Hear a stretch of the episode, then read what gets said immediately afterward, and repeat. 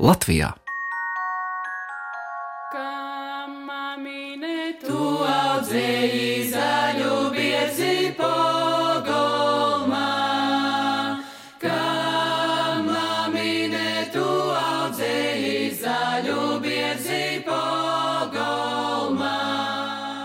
Šobrīd ārpus Latgales kultūra telpas izskan prozas rakstītājas un tekstilmākslinieces Anneles Slišānes vārds, jo kopš pagājušā gada oktobra radio ierakstu formātā ir klausāmi viņas stāsti simts deči Latvijai.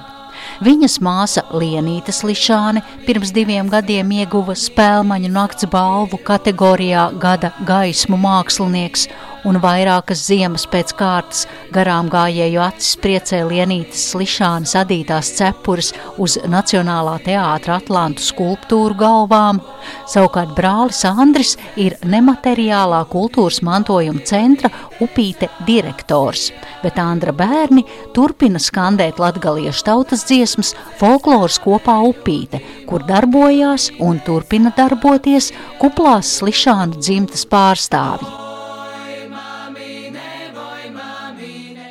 Savukārt sākums un talanta dzirksts aizšķīlējs ir Antons Slišāns, dzējnieks, novadpētnieks un folklorists, un viņa devums ir iemūžināts muzejā viņa dzimtajā pusē Balvu novada Upītas ciemā.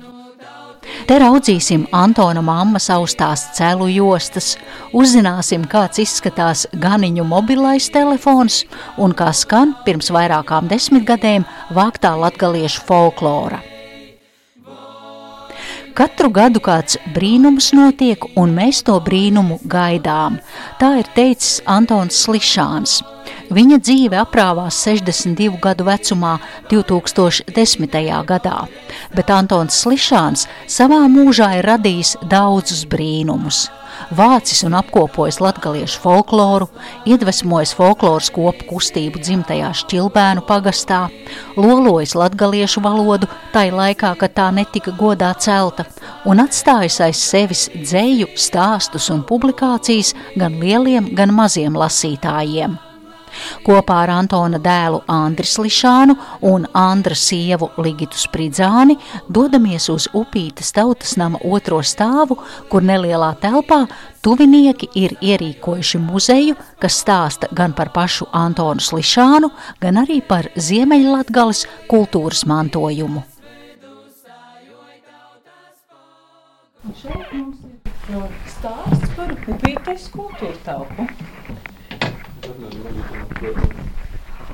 Tā, upīts kultūra telpa. Es esmu ienākusi nelielā istabiņā. Te ir tā padomu laika apaļā krāsns, lēnšu magnetofons, šūpulītis, iekārts. Nevis eh, līkstīs, bet jostiņās, Celu- celu jo, celu celainītais. Magnetofons, viņš arī skan, jā.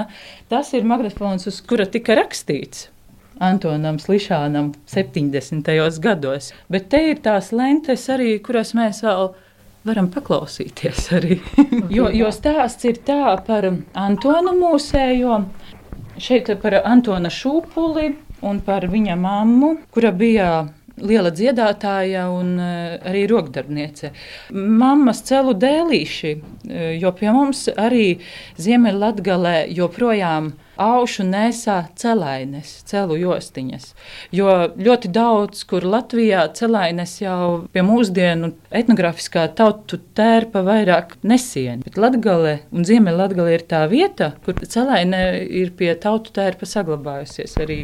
Tāds īpaši var teikt trafareta plāksnītes, četras stūrainas ar caurumiņiem, ar eh, kuru palīdzību tad tiek tapināta šī celu josta. Šie, es zinu, ka savulaik iopīgos kultūra vēsturniece un tautas tērpa pētniece, kuras saknes arī no Latgales, ka viņam stāstīja par desmito gadsimtu, un tad es pirmoreiz saskāros ar to jēdzienu celaine, celu josta, tad es saprotu, tā ir ļoti, ļoti sena tehnika. Jā, tā ir ļoti, ļoti sena tehnika.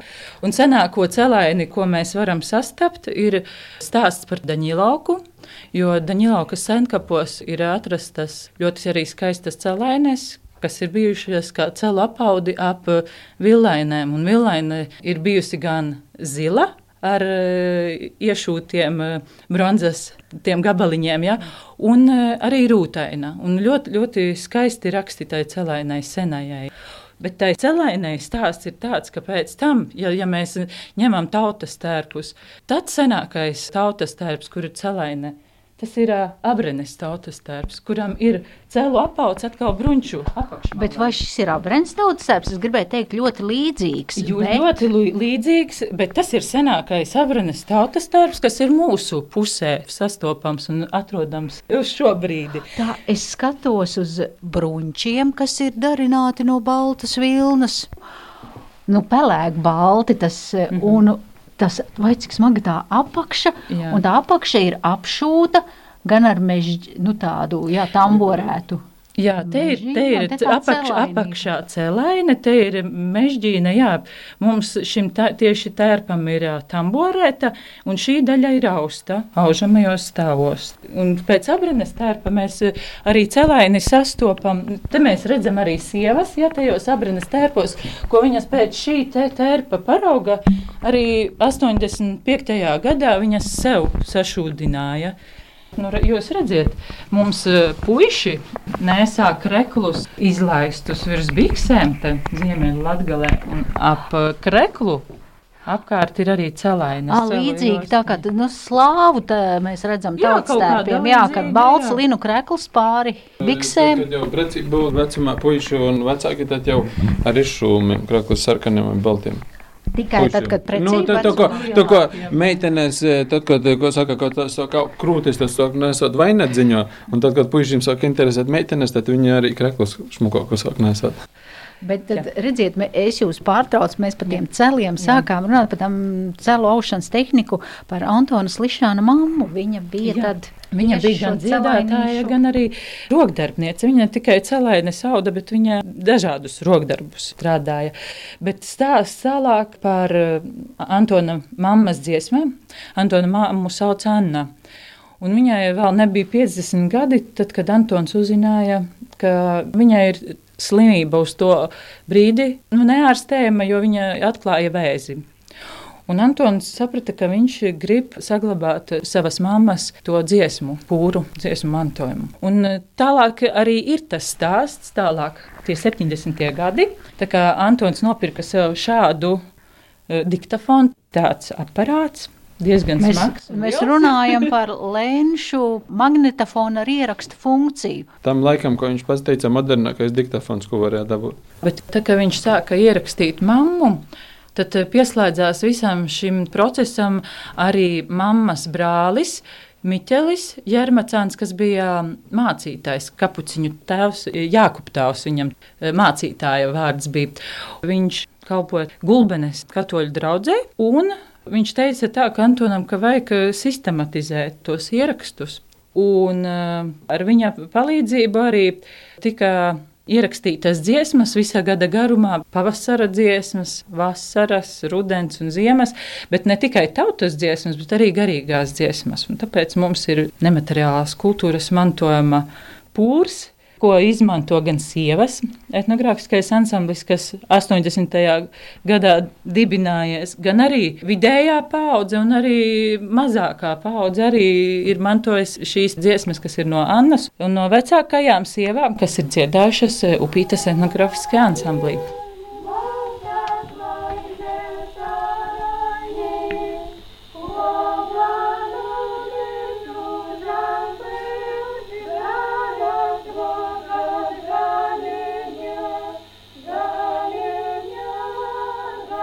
Sievas brauca uz Gulbenes baznīcu rakstīties. Jā, veda ar taksi, no balviem sauca taksi, jo tā mašīna nebija.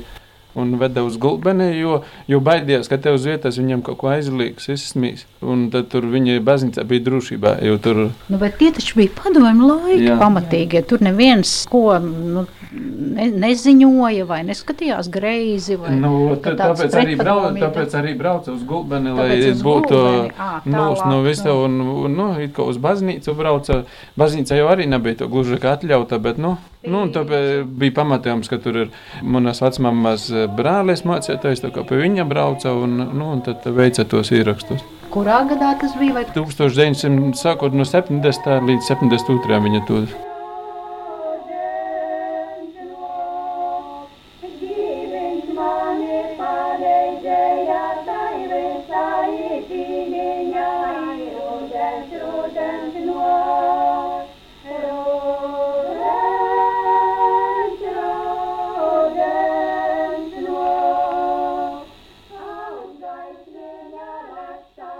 Dzirdējāt dziesmu Rudens nāk, kas tika ierakstīta pirms aptuveni 50 gadiem un atskaņot uz tikpat senas skaņu ierīces. Šobrīd notiek darbs pie šo ierakstu pārveids ciparu formātā, un iespējams drīz nemateriālais kultūras mantojuma centrs Upīte laidīs klajā šo unikālo audio materiālu bet mēs kopā ar Andriu Slišānu un Ligitu Spridzāni turpinām aplūkot lietas, kas reiz ir piederējušas literātam un folkloristam Antonam Slišānam. Un tāds ir arī koka šūpulītis, kurā tika guldīts mazais Antons, un tagad ik viens var pārliecināties, cik stipras un elastīgas ir celu jostas, kurās šī guļas vieta ir iekārta. Antons Lišans ir dzimis 48. gadā. Viņš arī dzimis nevis slimnīcā, bet Pirtiņā. Viņa tēvs uztaisīja šo šūpuli. Nu, senāk nevis Antonam, viņam ir divi vecākās māsās. Šeit visi trīs bērni gulējuši šo šūpuli. Antons pēdējais. krietni pāri pa 70 gadiem ir šim šūpulītim? Jā.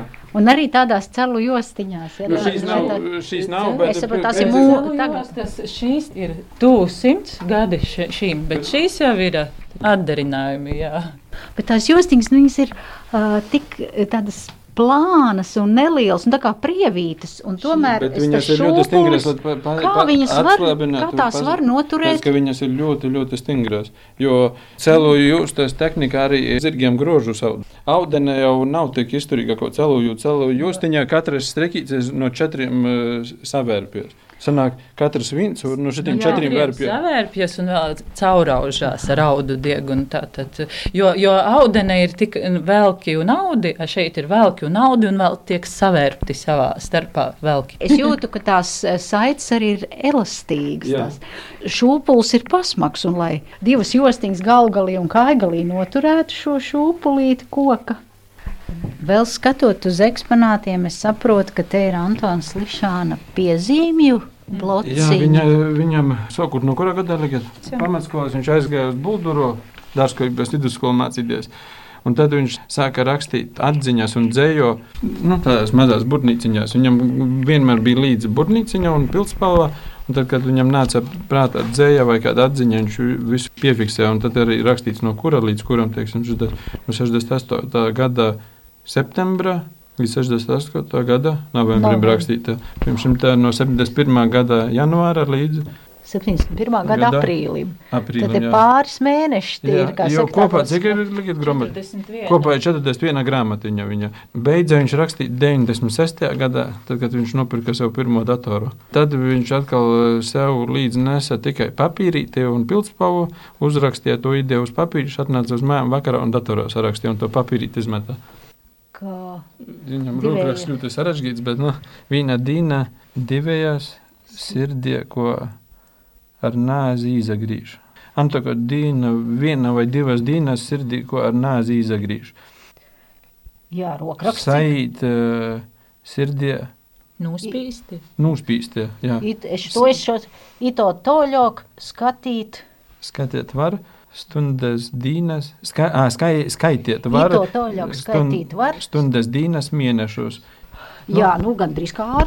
Jā. Bet kas manī nu, ieinteresēja, mēs runājam par padomu laikiem, par tiem laikiem, kad latgaļu valodu nu, neviens tā godā necēla. Un jūs tēvs jau tad, viņš rakstīja latgaliski. Jā, viņš lielāko daļu rakstīja latviešu, jo viņš tad, kad aizgāja no šejienes uz bulduriem, viņš pēkšņi saprata to vērtību, kas eh, ir te. Un, un tajos laikos īstenībā no viņa stāstiem tur izsmēja to. Paņirgājās par to, ka kāds akcents vēl kaut ko. Nu, Buldur dārzkopības tehnikumā? Nu, viņa Vai tie kaut kādi līdzgaitnieki, kurš, nu, īsti nezinu, kas, bet, nu, viņam ir bija tāda sāpe. Teiksim, man nekad mūžā nav bijis, ka kaut kas smējās par to, ka latgaliski vai akcents vienalga.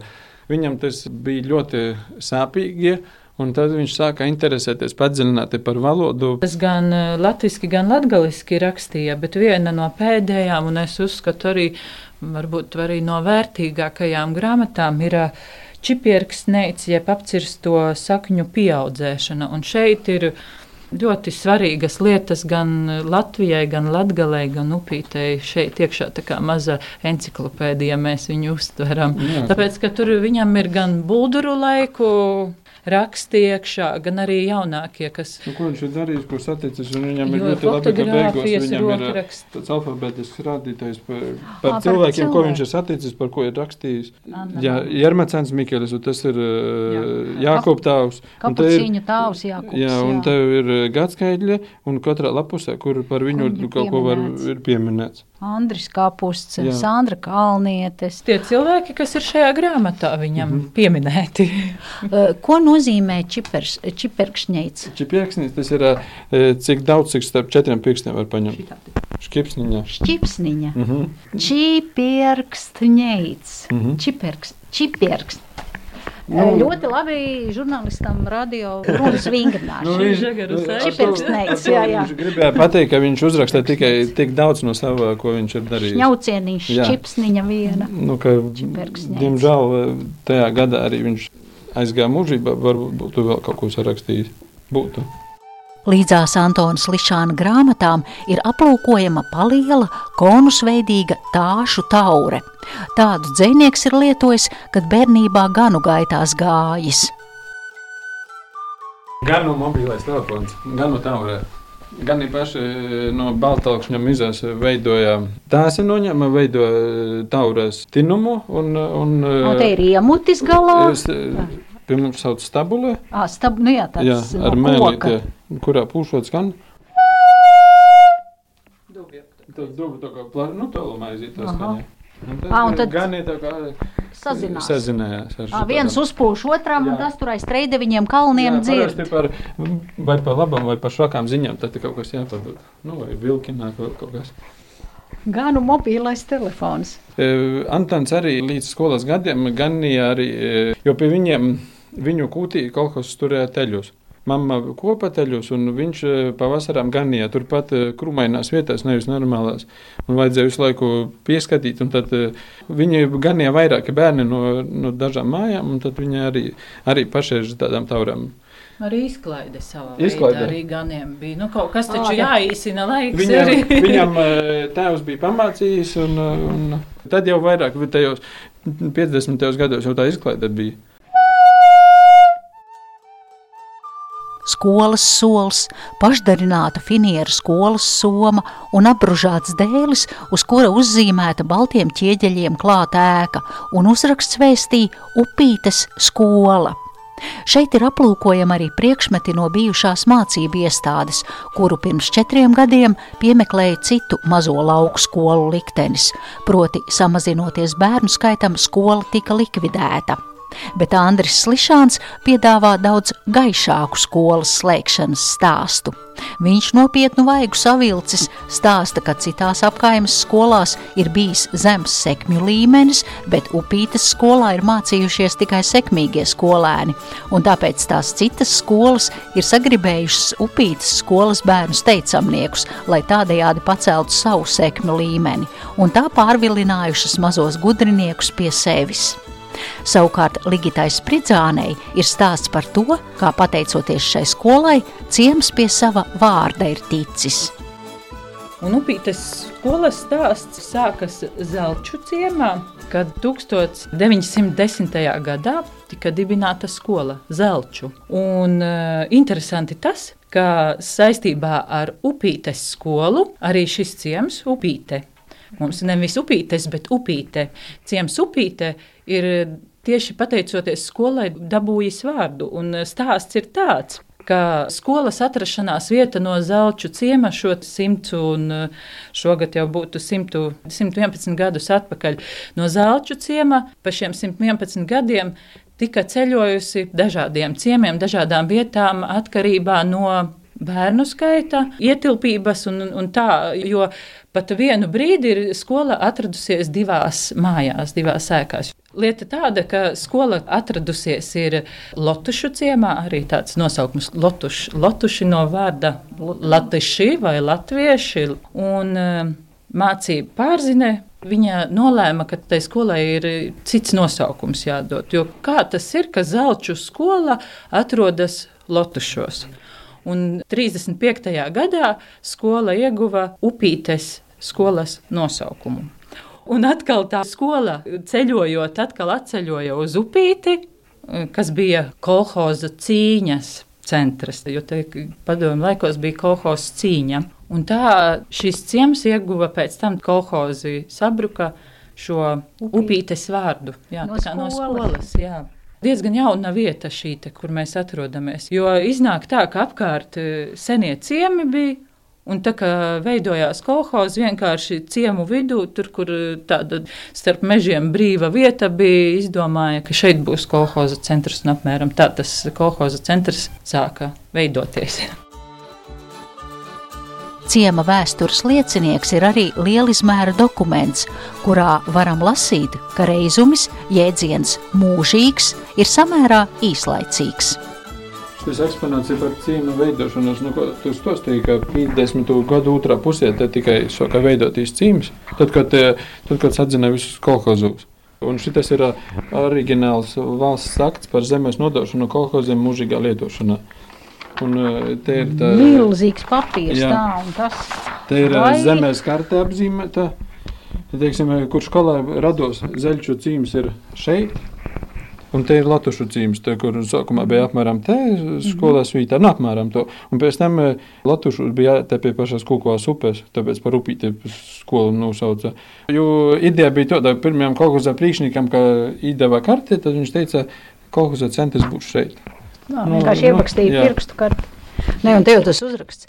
Abrenes rajona darba ļaužu deputātu padomas izpildu komiteja izsnieguši šo aktu Latvijas PS Republikas Daugaupils apgabala Abrenes rajona Stabļevas ciemā lauksaimniecības atelim Staļina vārda – par to, ka lauksaimniecības satelīta Staļina vārda nostiprināta bezmaksas un beztermiņa lietošanā, tas ir uz mūžīgiem laikiem zeme, saskaņā ar zemāk uzzīmēto plānu un robežu aprakstu. Un tad te ir parakstījies Puškina vārdā, vārdā nosauktais lauksaimniecības ar Telis. Līdz tam bija vairāki mozi, un pēc tam viņu... Vernī puķi, novī puķi, puķi Iļičā, lauksaimniecības arteļi, kur tad apvienojās.